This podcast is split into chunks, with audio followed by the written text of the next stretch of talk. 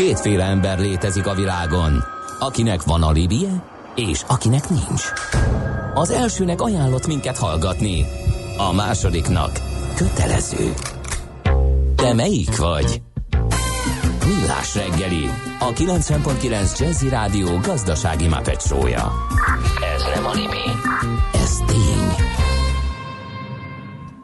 Tomika SMS-ével kezdjük a második órát itt a 90.9 Jazzy Rádió Nács Gáborral 8 óra 17 perckor 2018. augusztus 6-án. És Mihálovics Andrással, igen. A Jazzy kötelékében vagytok, és nem voltatok jazz pikniken. Még ilyet írja tehát Tomika. Erre csak azt tudom válaszolni, hogyha valaki az a munkája, hogy folyamatosan palacsintát eszik, akkor ha hazamegy, akkor az esetek legritkábbikában esik meg az, hogy lesüt magának egy jó palacsintát, ha érted, mire gondolok. Kedves Tomika. Egyébként kis beszámoló érkezett egy hallgatótól a Jazz Picnicről. Én is kacérkodtam, hogy Jamie Callumra elmegyek, de aztán végül nem, nem jutottam el. Na, uh, hallgatunk attól tartott tőle, hogy Jimmy Callum nem hozza majd a tőle megszokott frenetikus sót, de még a magas elvárásokhoz képest is brutálisan jó koncertet adott állítólag. Szeretjük Jamie Callum. Na, akkor Na, jutalma, de szeretjük, jutalma az igen. lett, hogy lejátszunk tőle ma egy dal. Igen. Uh, egyéb iránt pedig uh, hát uh, szeretjük az adóvilág rovatot is. Daxere, Virgilendir meg, Steyer, Beskatta, Gravár, Belastingen. Kell tolmács. Éppen külföldre készülsz vállalkozásoddal? Szeretnéd tudni hol, hogyan és mennyit kell adózni? Adóvilág. Ismerd meg a világországainak adózási sajátosságait a Millás reggeli világjáró adó rovatával. Mert semmi sem biztos, csak az adó. Valahol még az sem. Myanmar Gerendi Zoltán, a Védő Magyarország ügyvezetője adótanácsadó partnere megint nem választott egyszerű országot magának, úgyhogy kíváncsian várjuk, mit hoz ki ebből. Van-e egyáltalán adórendszere, meg adó revizorai Myanmarnak, vagy a hunta és a katonák szedik be az adót adhok módon? Talán ez az első költői kérdés amire választ keresünk. Szervusz, jó reggelt! Sziasztok, jó reggelt! Van, van, van. Megnyugodtunk.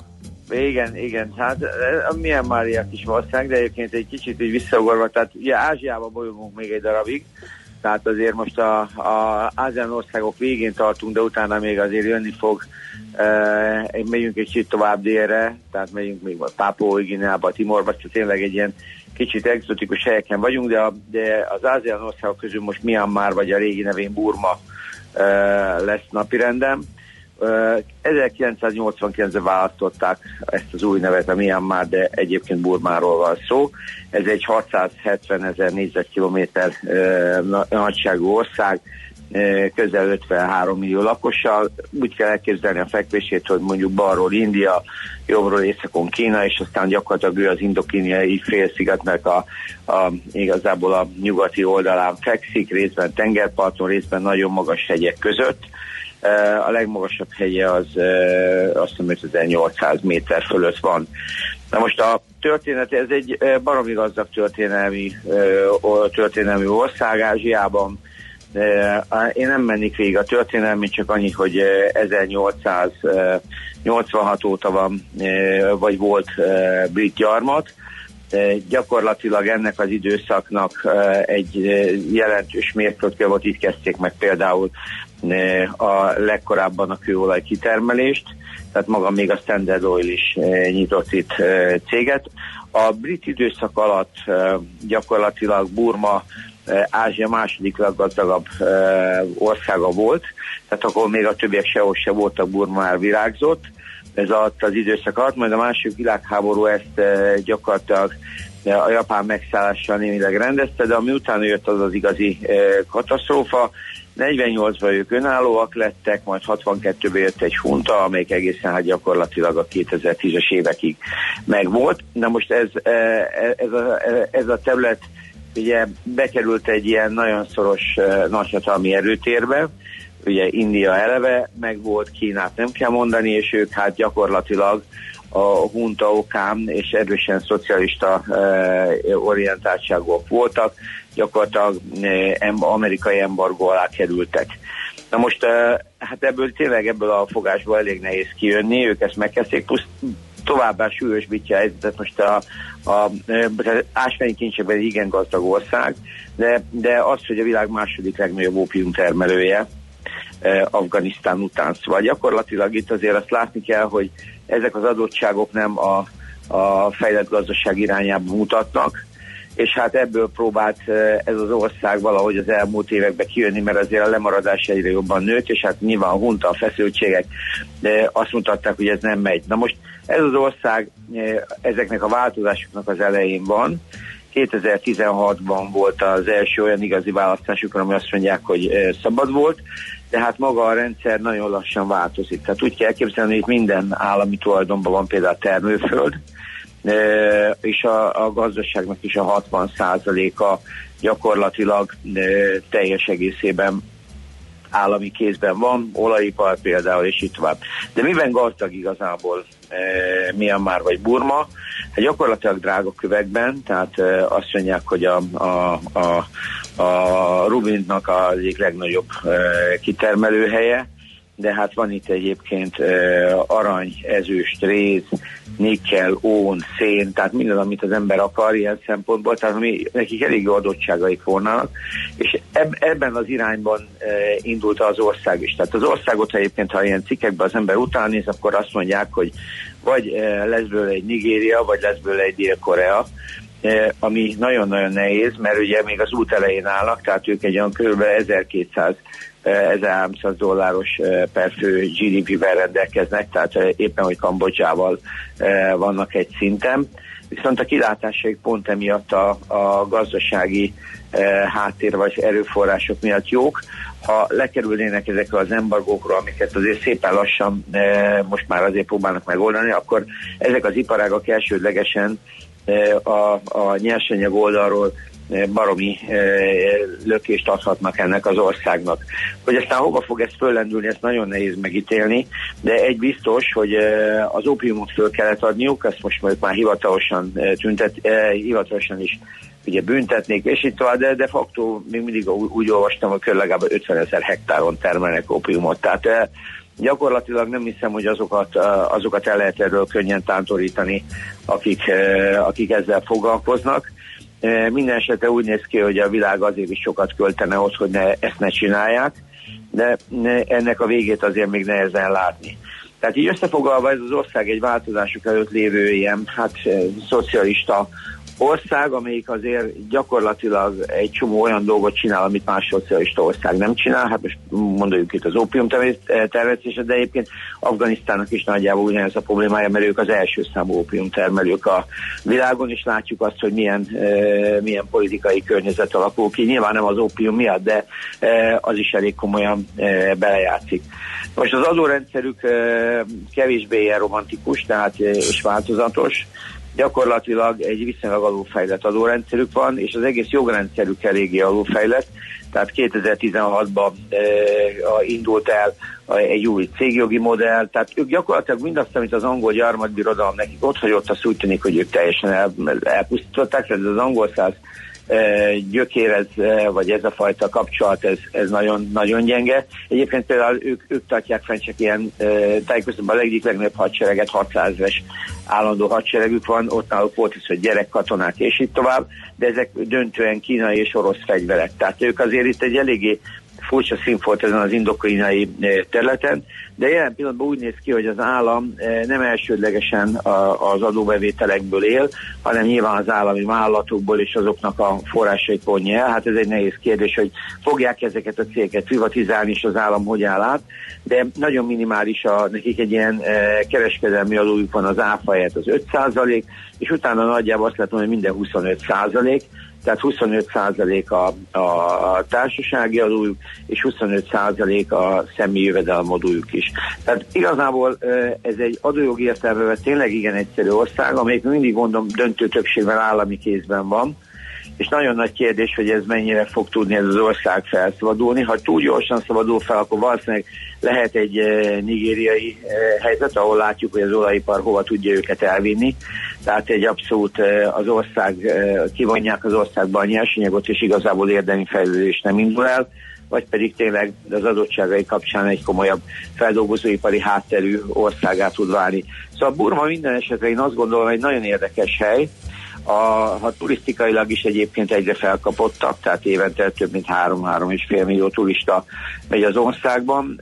E, Ázsiában szerintem egy e, e, baromi izgalmas terület, gazdaságilag rengeteg lehetősége van, de nagyon-nagyon messze vannak mondjuk egy Maláziától, nagyon messze vannak Tájföldtől, és a kérdés az, hogy a történelem ad nekik arra a lehetőséget, hogy most egy gyorsabb felzárkózással ennek a közelébe kerüljenek. Ők 97 óta ASEAN tagok, de úgy tűnik, hogy talán majd most jön az az időszak, amikor ebből tudnak profitálni, és egy kicsit jobban nyitni. Nekik egyébként az összes egyezményük, tehát az ő izoláltságuk, az, az abban is mérhető, hogy összesen talán van 10 vagy 11 kettős adóztatási egyezményük, mondjuk Indiával, Laosszal, Szingapúrral, Dél-Koreával, Tájfölddel, Maláziával, az Egyesült Királyság, Angliával és Vietnámmal.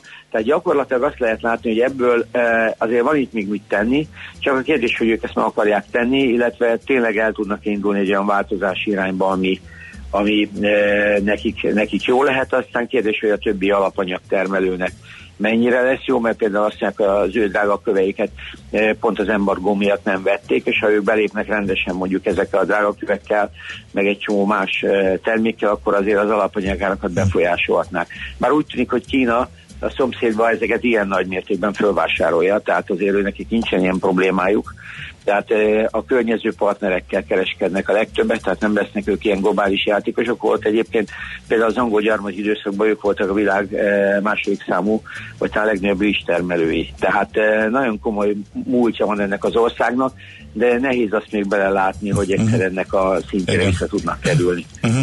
Hát nagyon szomorú, hogy merre vezetett az ő történetük, de hát bízunk benne, hogy most aztán majd irányba fordulnak ismét sok-sok év után. Köszönjük szépen, hogy elmondta, nagyon érdekes volt szokás szerint. Nagyon szívesen. Szép napot, jó munkát kívánunk. Folytatás következik jövő héten. Köszönjük. Így van, köszi, sziasztok. Szia. Szia, szia. Hogy megkönnyebbül. nem, azért az túlzás. Szóval Gerendi Zoldánnal a BDO Magyarország ügyvezetőjével, adótanácsadó partnerével beszélgettünk, és még több Burmáról, illetve Myanmarról néhány perc múlva Feledi Botantól.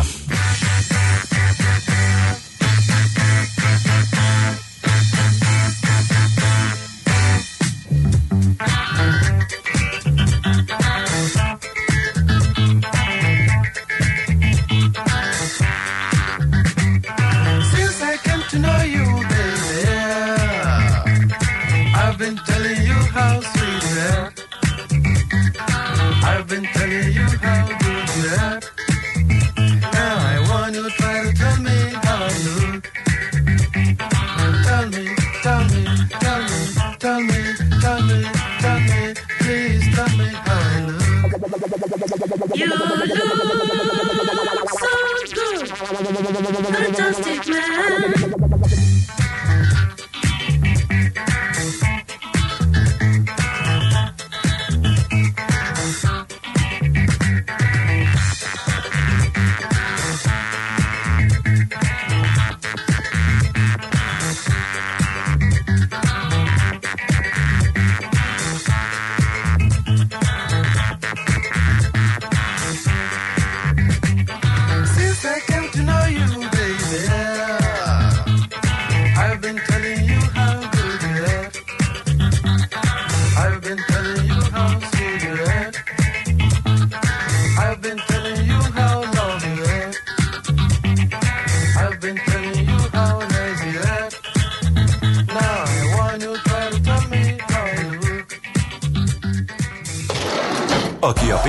Utaztatja, legyen felkészülve. Folytatódik az adóvilág a millás reggeli adószótára. Érdekességek, adózási szokások, geopolitikai helyzetkép. No, nézzük Myanmar jelenlegi helyzetét bel- és külpolitikailag. Feledi Botond lesz ebben segítségünkre. Adóvilág rovatunk állandó szakértője, külpolitikai szakértő. Szervusz, jó reggelt kívánunk! Sziasztok, jó reggelt kívánok! Hát a Myanmar akkor rohingyák, ugye? Mostanában a ezzel van tele a sajtó, hogy hogy bánnak a kisebbségekkel arra felé. Így van, így van, és ráadásul milyen már egyébként a kisebbségek egyik eh, óriási gyűjtőhelye, tehát legalább négy-öt nyelvcsaládból még ők maguk általi számon tartott több mint száz különböző törzsi leosztásban létező kisebbségek ennek az ország területén. Ebből a rohingyák egyébként messze nem a legnagyobb. Uh-huh. Um, úgyhogy, uh, úgyhogy ami nekünk innen fontos és látványos, az egyébként belpolitikai szinten egy egész másik történetbe van becsomagolva.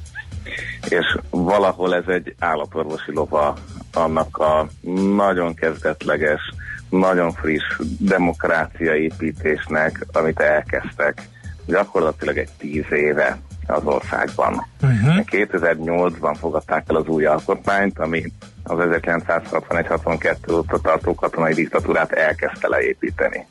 De azért fontos azt látnunk, hogy itt nagyjából most egy ilyen 89-92 közötti állapot van, hogyha a magyar rendszerváltásot hasonlítom, tehát a katonaság még aktív. Ugye Magyarországon is 92-ig még a szovjet orosz katonák itt voltak.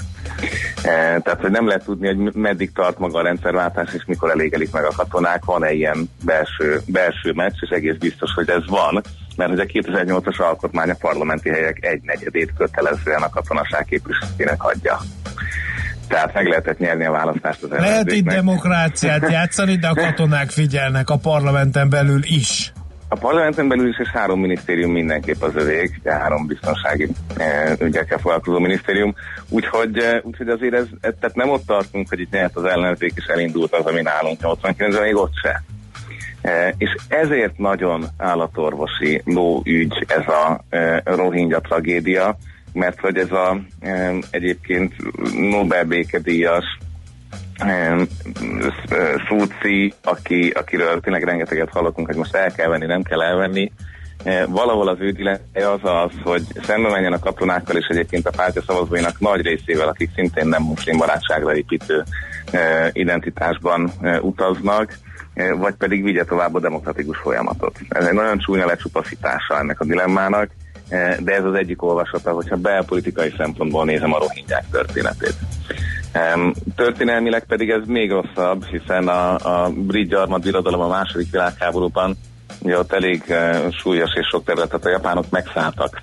És a britekkel harcoló muszlim rohingyákkal szemben egyébként a buddhista Burma többségét alkotó japán pártiak voltak.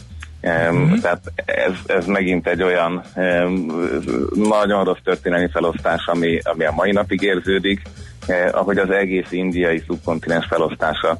Ugye ez a Pakisztán, India, és ne felejtsük el, hogy, eh, hogy Banglades, ahova egyébként a rohingyákat megpróbálják eh, visszaszáműzni, ugye ő kelet és nyugat-pakisztán néven volt ismert a történelemben sokáig. És innentől kezdve megint az összes terrorista szervezet, ami uh, Pakisztán és a e, ottani muszlim terrorizmus kapcsán eszünkbe jut, ezek mind jelen voltak itt az elmúlt évtizedekben. E, konkrétan bejelentkezett az Alkaida, hogy ők majd támogatják a rohingyák függetlenségét, vagy bármilyen egyéb autonómiáját.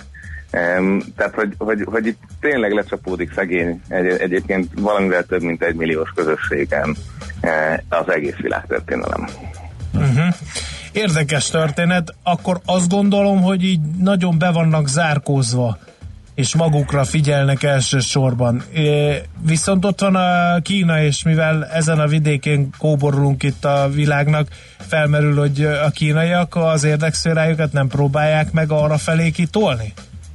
Dehogy nem, sőt, nagyon is. Tehát ugye azért alapvetően ez a katonai diktatúra, ez nagyon sokban támaszkodott szovjet-kínai segítségre a hidegháborús időkben és a kínaiaknak egyébként több olyan támogatott kisebbsége van Myanmaron belül, akikkel szemben ugyanúgy küzdött egyébként a katonai hunta. Uh-huh. Tehát itt egy nagyon érdekes ambivalens viszony van, mert egyrészt van a abszolút felkelőknek, lázadóknak, szeparatistáknak tartott etnikai kisebbségek között gyakorlatilag kínai leszármazású csoport is, akikkel szemben bizalmatlanság van, és emellett viszont az elmúlt évek 6-7%-os növekedését, azt azért alapvetően kínai befektetések határozzák uh-huh. meg.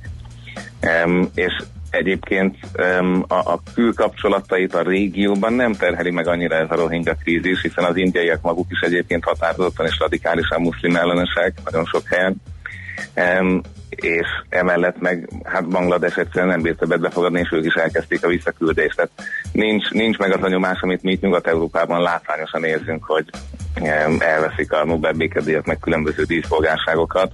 E, ez ott a régióban nem látszik. Kína is azt mondta, hogy akik terroristák, azokkal le kell számolni. E, tehát nem színli meg a kapcsolatait annyira, uh-huh. mint ahogy azt innen látszik. Az e, egykori gyarmattartók, azok mennyire szólnak bele mondjuk adott esetben a Myanmari ügyekbe? Nem látni, hát miközben vannak még törvények, amik egyébként gyakorlatilag a gyarmati időkből vannak érvényben, és egyébként két rajteszes újságírót éppen ilyenek alapján kaptak el nem olyan régen, akik rohingyák szemben elkövetett atrocitásokat akartak oknyomozni. Azért érdemben nem látszik a, a brit befolyás, tehát ezt a hidegháborús e, orosz barát időszak gyakorlatilag elvágta. Uh-huh. De német segélyszervezetek ugyanúgy aktívak, tehát van, van nyugat-európai e, transatlanti jelenlét, de nem, nem olyan fontos. A Fehérházba egyébként nagyon hosszú évtizedek után Obama fogadott e, egy Myanmari államfőt, ami egyébként ugyanúgy különleges volt, és annak idején egy ugyanolyan vitát indított el, mint amikor a Kimmel kapcsolatban most itt beszélgettünk, hogy szabad-e Trumpnak vele találkozni, vagy nem szabad vele találkozni. Uh-huh. Úgyhogy e, azért ezek, ezek láthatóan ugyanúgy megterhelik ezt a, ezt a részt, és hát az, az igazság, hogy a muszlimokkal szembeni erőszak egyébként nem csak a rohingyákat érinti, tehát van más muszlim kisebbség, de az indiai Assam államban, ami ugye nekik a keleti tartományok közé esik, ott is éppen most egy új állampolgársági regisztert vesznek föl, és a 70 éve ott élő véletlen muszlim lakosságot kifelejtették ebből.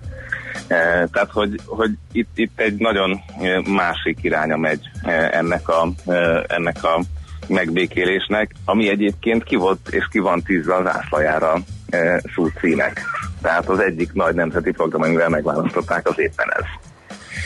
Um, igen, ez az egész, ez ilyen vallási alapú, mert az ilyen eléggé robbanásveszélyes helyzeteket szokott elidézni, előidézni gyakorlatilag a, a, a világ bármelyik országába, ha vallási alapon feszülnek egymásnak különböző népcsoportok. Hát a vallási ürügyű, tehát most már a azt lehet mondani, ürügyű. hogy ugye az előzött rohingyák földjeit, Santos földjeit elvették, és ugye nincsenek is nekik papírjaik arról, hát ugye útlevelük sincs, semmiük nincs, személyigazolványuk nincs, tehát nem is tudják azt főleg bizonyítani, kataszterről ott aztán végképp nem lehet szó. Tehát még ha vissza is engedik őket, már nincsenek meg a földjeik, mert azokat már elvették. Uh-huh. Um, tehát nyilván ez szól a földről, szól a történelmi traumákról, hogy ki hova állt a korábbi konfliktusokban, és van egy uh, vallási jellege, ami nem csak a muszlimokkal szemben, hanem az ébredő kvázi buddhista nacionalizmus mellett is szól. Uh-huh, uh-huh. Tehát ez az egész demokratikus mozgalom, ez egy nagyon erős gyökérrel rendelkezik a 60%-os többségi buddhista nemzet felől. Uh-huh. És ez az, amit Fuci is egyrészt maga is képvisel, másrészt kénytelen is képviselni. Mhm.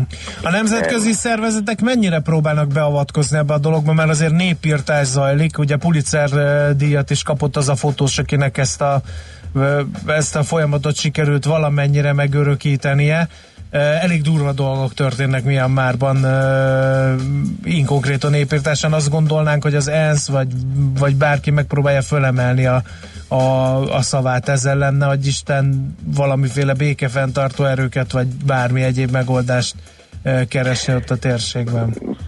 Szerintem a fegyveres beavatkozás az, az teljesen ideális gondolat jelenleg, tehát azért egy katonállamról van szó, és ez a és elég um, nagy hadseregük van, ahogy hallottuk az Zoltántól, a le, világ egyik legnagyobbja, igen. Tehát, hogy elképesztő létszámú, több mint 400 ember ott fegyverben, ráadásul azok tényleg erre készültek egész életükben, hogy ilyeneket csináljanak, és csinálják is. Úgyhogy, úgyhogy a fegyveres beavatkozás nem nagyon jön szóba. Kofi Annant egyébként meghívta Futri egy bizottságba, ami aztán később más tagokkal fel is állt, tehát elvileg van egy vizsgáló bizottság, amit jóvá hagyott a Myanmari kormányzat. Nyilván azért onnantól kezdve, hogy újságírók különleges engedélyel utazhatnak be, tehát se, hogy a területekre, innentől kezdve azért nagyon nehéz azt gondolni, hogy ezt át akarják látni. Uh-huh. Úgyhogy, úgyhogy itt igazából, amit tudunk, az mind a Cox Bazár nevű óriási menekült táborból tudjuk, ami a határ túloldalán van, uh-huh. és az ott elmesélt történeteket lehet leginkább hallani. Úgyhogy, De ez nekem ilyen furcsa kettősség, hogy la, ugye a katonai diktatúrából lassan elindultak a demokratizálódás felé, mindjárt egy népírtással például, meg, meg vallási türelmetlenséggel. Érdekes kifejlet lehet ebből. Um, hogy, is, hogy, is, hogy is lehet ezt jól megfogni? Tehát, hogy tényleg arról van szó, hogy a többségi nemzet a saját demokráciáját intéz, uh-huh. aminek egy kénytelen kelletlen része egyébként, hogy rengeteg etnikai csoport van az ország alapvetően széleire húzódott hegyes területeken. E, tehát itt van egy, egy földrajzi megosztottság is, ez leképződik, de csak hogy egy másik ellenpéldát mondjak, egyébként létrehozta az alkotmány az etnikai miniszterek pozícióját, és több mint 28 ilyen miniszter van az országban akik a tartományi szinten el nem ismert kisebbségeket alacsonyabb szinteken képviselhetik. Uh-huh. Tehát, hogy létezik megoldási irány, de most pont a e, pakisztáni, bangladesi kérdéssel egybefüggő e, és a nemzetközi terrorizmusba is belecsöppent rohingyák tényleg szegények a legrosszabbkor voltak a legrosszabb helyen, e, és aztán innentől kezdve az is lehet, hogy ez a hadsereg kísérlete a szúci kvázi gyengítésére uh-huh. vagy helyzetben tartására. Tehát itt egy nagyon komoly belpolitikai csata megy, amiről végképp keveset tudunk, uh-huh. hogy hogyan próbálják ezt a nőt megtörni. Azért ne felejtsük el, hogy ugyanez a katonaság tartotta őt 15 évi házi őrizetben, ráadásul úgy és akkor, amikor a férje, egy brit férje van, volt, eh, ugye rákos betegként már tudta, hogy meg fog halni, és egyszerűen azt akarták, hogy ne látogathassa őt meg a beteg férje Angliából, mert hogy azt akarták, hogy a nő hagyja el az országot, és majd jól nem engedik vissza. Uh-huh. Tehát egy ilyen katonai diktatúrával szemben, és az ő túlélő katonáikkal szemben eh, a mai napig megy a, a kötélhúzás, eh, és ez az, amiben edződött eh, ez a Nobel-díjas hölgy, aki most próbálja a saját országán belül rendezni ezeket a viszonyokat. Uh-huh. Tehát szerintem annál ez árnyaltabb, ettől a tény persze tény maradt, hogy a ruhingyákra gyakorlatilag eh, a 77-es első nagy katonai megtorlás óta folyamatosan rányáradult. Tehát uh-huh. ez, ez egész biztos, hogy eh, népírtás minden olyan információ alapján, amit az elszenvedők, illetve túlélőktől hallottunk. Oké, okay, szomorú történet, de hát ez van. Köszönjük szépen az információkat, további szép napot kívánunk, Boton. Nektek is, hallgatóknak is, szervusztok. Minden jót, szia! Feledi Botond külpolitikai szakértő, rohadt állandó szakértője. Igen, igen, meg teljesen érdekes, érdekes és összetett, és ez is mutatja, hogy mennyire sokrétű, eh, nem csak az, a, a, ami abban az országban történik, hanem ami ott azon a környéken, és szinte az egész e, világban. Hm még a lesújtó is hallani, hogy mik lehetnek, hogy mik történhetnek 2018-ban. Nos, gyorsan, van nagyon fontos, vagy jöhet a hírek, mert... Jöhet a hírek, haladjunk. Ma sem maradtunk semmivel adósak. A Millás reggeli világjáró adórovat a hangzott el. Jövő héten ismét adóvilág, mert semmi sem biztos, csak az adó. Valahol még az sem. Műsorunkban termék megjelenítést hallhattak. Dave Kass Show vasárnap délelőtt 10 és dél között. Hi, this is saxophonist Dave Koz, host of the weekly Dave Koz radio show. Well, join me as I discover new smooth jazz, have the biggest stars on the mic, and play all the hits here on 90.9 Jazzy. Dave Koz Show vasárnap délelőtt 10 és dél között. Az előző heti adás ismétlése pedig szombaton este 11 órától itt a 90.9 Jazzin. Rövid hírek a 90.9 Jazzin. Az év eddigi legmelegebb hete jön. Az országban egyre több helyen közelebb lehet majd a délutáni hőmérséklet a 35 fokhoz, mint a 30-hoz. Szerdától péntekig a hőmérséklet jó eséllyel meghaladja az év eddigi legmagasabb maximumát, a 36,6 fokot, amelyet július 29-én Budakalászon mértek. Az még bizonytalan, hogy mikor, milyen értékekkel tetőzik és meddig tart a hőség. Tombol a forróság a kontinensen és Portugáliában, Lisszabon környékén 40 Celsius fokokat mértek az elmúlt napokban, de az ország déli tartományaiban 45 fok körül alakultak a napi csúcsok. Az ibériai félszigeten tűzgyújtási tilalomban mivel a szárazság miatt a növényzet kiszáradt és a bozott tűz megfékezhetetlen lenne. Spanyolországban három halottja van a forróságnak. A kánikula miatt Hollandiában korlátozni kezdték a vízfogyasztást, Svédországban pedig ez a legforróbb nyár az elmúlt 250 évben. Mindenhol többszörös a túljelentkezés, Ezért már a következő tanévtől több honvéd kadétot képeznek majd, és a további bővítési tervek is megszülettek. Nyilatkozta Szabó Ferenc László, a Honvédelmi Minisztérium Oktatási Tudományszervező és Kulturális Főosztályának főtisztje az MT-nek.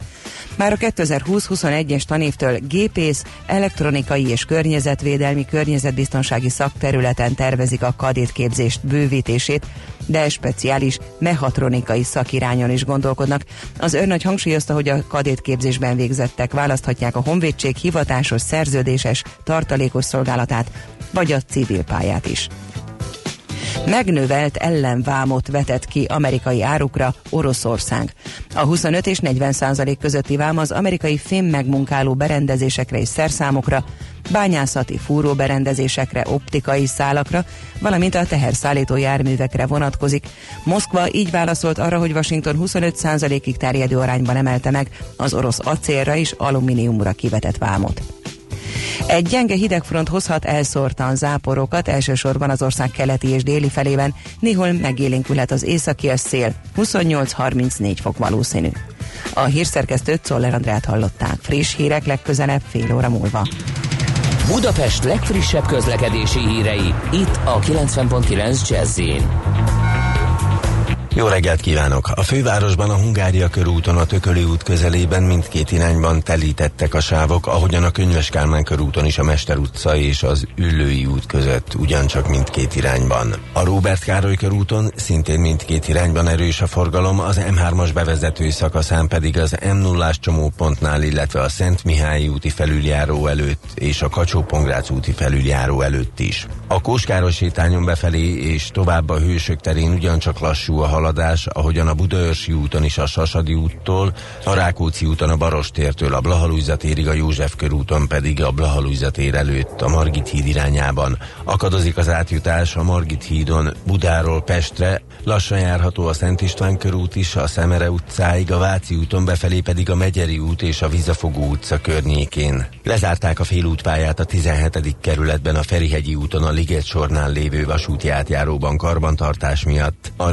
Rákospatak feletti közúti hídon pedig szintén félpályás út lezárásra számíthatnak felújítás miatt. A váltakozó irányú áthaladást ott jelzőlámpa szabályozza. Barga Etele, BKK Info. A hírek után már is folytatódik a millás reggeli. Itt a 90.9 jazz Következő műsorunkban termék megjelenítést hallhatnak.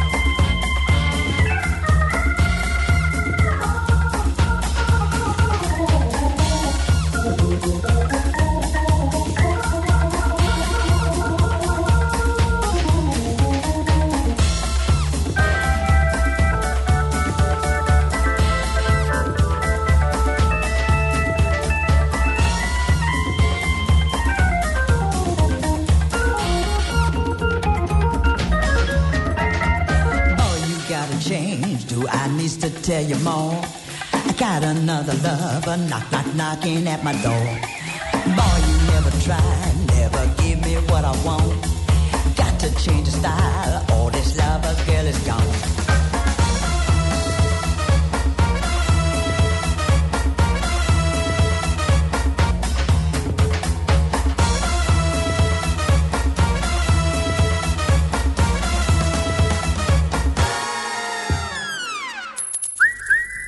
Aranyköpés a millás reggeliben. Mindenre van egy idézetünk. Ez megspórolja az eredeti gondolatokat. De nem mind arany, ami fényli.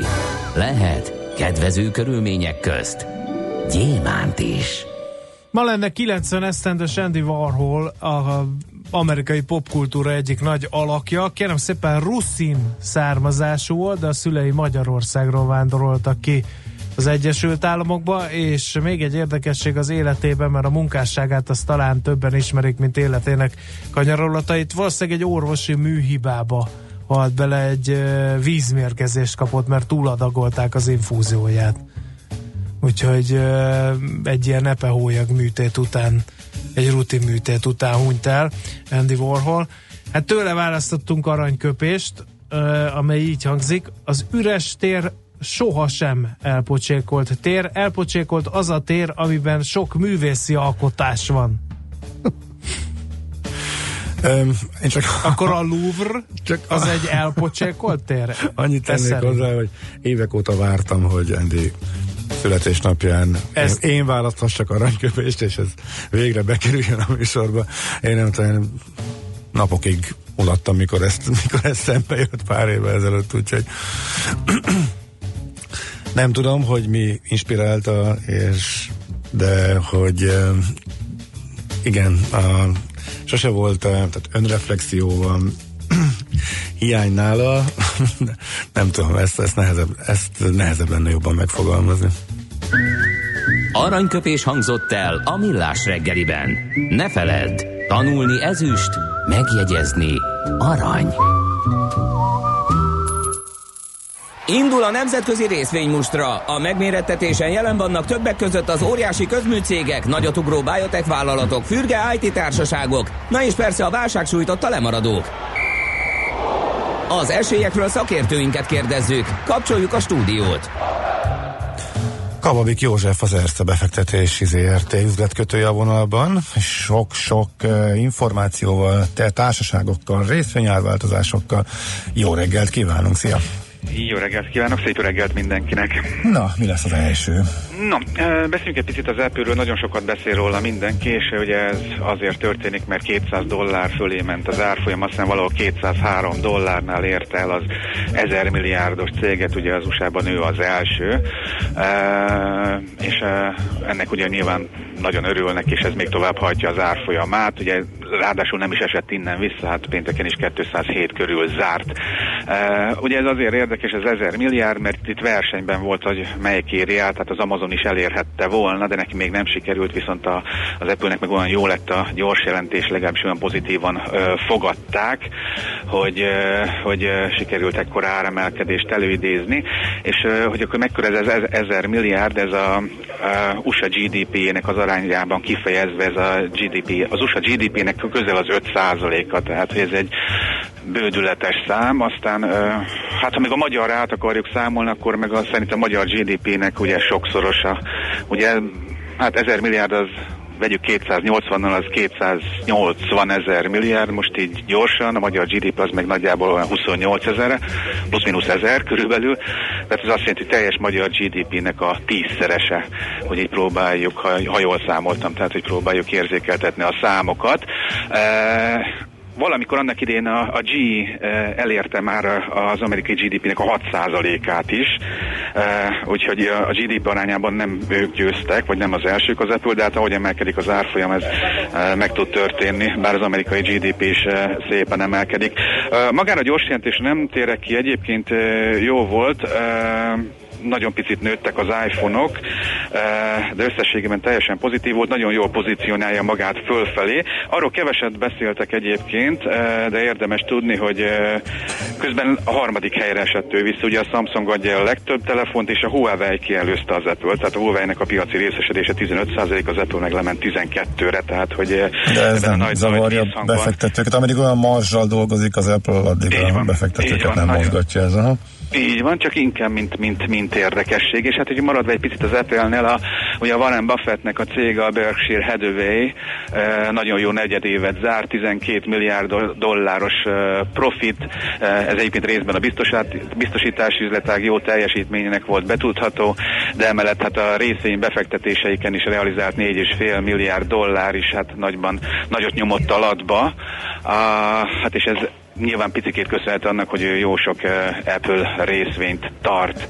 Na, nagyon röviden a a Tesláról, ott pedig ugye mindenki arról beszél, ugye volt egy gyors jelentés, szerintem maga a gyors jelentés annyira nem lett pozitív, az volt pozitív, hogy nem égetett annyi, annyi pénzt, tehát furcsa hangzik, hogy az pozitív, nem égetett annyi pénzt, de maga az adózott eredmény még nagyobb veszteség lett, mint amit vártak, tehát nyilván a, a Elon Musknak nagyon sikerült fölbeszélni az árfolyamot újra-újra, és most már ezt a befektetők is így pozitívabban látták, ráadásul annyi sortállomány volt nyitva, hogy ugye 20%-ot tudott fölfelé menni, és azóta sem esik vissza igazándiból, pénteken ugye 0,4%-ot esett, uh, úgyhogy uh, ilyen szempontból egy uh, szép teljesítmény, most, most, most, most Elon Musk van előnyben. A következő gyors jelentés lesz majd nagyon érdekes, hogy lesz-e akkor most már nyereség, avagy sem. BMW gyors jelentés is volt, nem mondom az összes részletet, mert ugye ez még uh, azt péntek reggeli.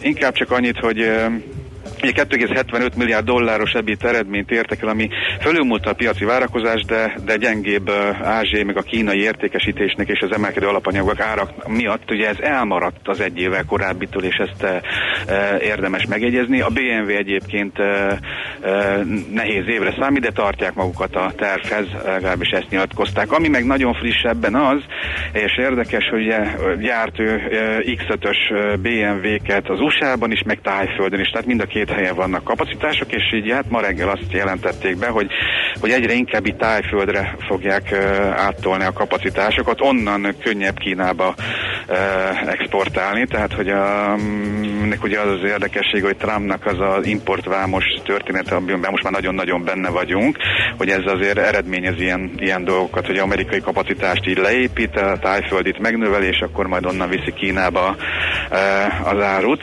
ha nevezzük így. Siemens negyedéves profitja 14%-ot esett vissza a tavalyi év azonos időszakához képest. Egyébként ez a várakozásoknak megfelelő.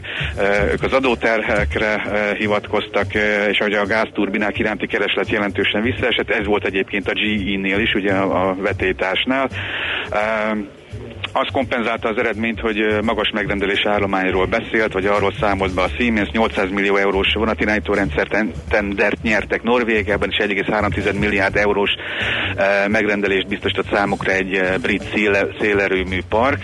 Ugye 112-ön van, 1,8%-ot esett, 120 volt még augusztus 1-én, 112-ig esett, ugye nem volt jó ez a gyors jelentés, az elmúlt egy évben 99 és 126 között volt. Volkswagen nagyon sokszor elmondta a Volkswagen vezetése, hogy nekik picik gondjuk lesz majd erről a új nemzetközi, ez a VLTP-re való átállás, ugye gyakorlatilag újra kell vizsgáztatni minden ö, modellt. Ezt a gyors jelentésnél is elmondták, azért is elmondták, hogy ebből ez egy kifejezetten kockázatot jelent, és most hát lényegében az a hír, hogy hát szünetel az alternatív meghajtású járművek gyártása. Ugye ezekből adnak el jelenleg még a legkevesebbet, és ezt hagyták ők a végére. Tehát nem is tudják ezeket most legyártani, mert nincs idejük levizsgáztatni lényegében. Igazán ezeket a modelleket újra majd 2019 elején lehet majd kapni.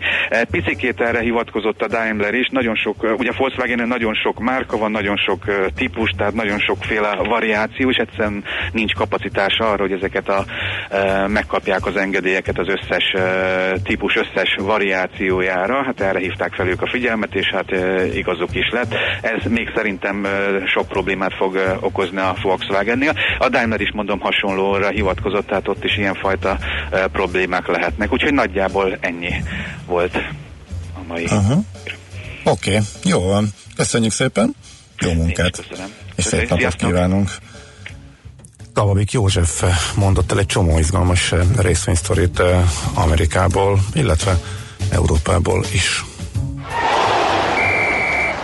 A nemzetközi részvény mostra mai fordulója ezzel befejeződött. Nem sokára újabb indulókkal ismerkedhetünk meg. Az 51-es úton Haraszti felé dugó és iszonyatos büdös van, a kamion állati eredetű mellékterméket szállít, szóval nem a sofőr büdös, írja James. A szlovák út a Rákossinál beállt, mint a szög, írja Mik, illetőleg a buddhista rendekben állítólag hihetetlen a korrupciós pénzre befolyásra váltják minden szellemi hagyatékukat versenyezve a kínai vezetés kegyeiért írja egy hallgató. Illetőleg Tomika előző SMS-e írja Tomika, inkább volt cinikus és szólt a korábbi SMS írójának, mint nektek, akkor a mi riposztunk Tomika SMS-ére ihletődvén inkább szólt az előző SMS írójának, sem mint Tomikának, akkor maradjunk ennyiben. A lab pedig nem érte az aranyköpést. Uh, nehéz lenne ezt most elmagyarázni, időnk sem nagyon van rá, mert itt van Czoller. Tegyük hozzá, nem is fel, nem feltétlen kell. Polgárpukkasztás, ez szerintem Andy Warhol részéről. A ez saját a magáról is szólhat. És így, így, van, így van. És igen. igen, Kababik József az Erste befektetés üzletkötője, azt elfelejtettem az imént a rovat végén mondani. Viszont Czoller Andit meg hát nincs értelme behalandozni, mert mindenki ismeri. Ő mondja a híreket. Ez nem az, aminek látszik. Millás reggeli.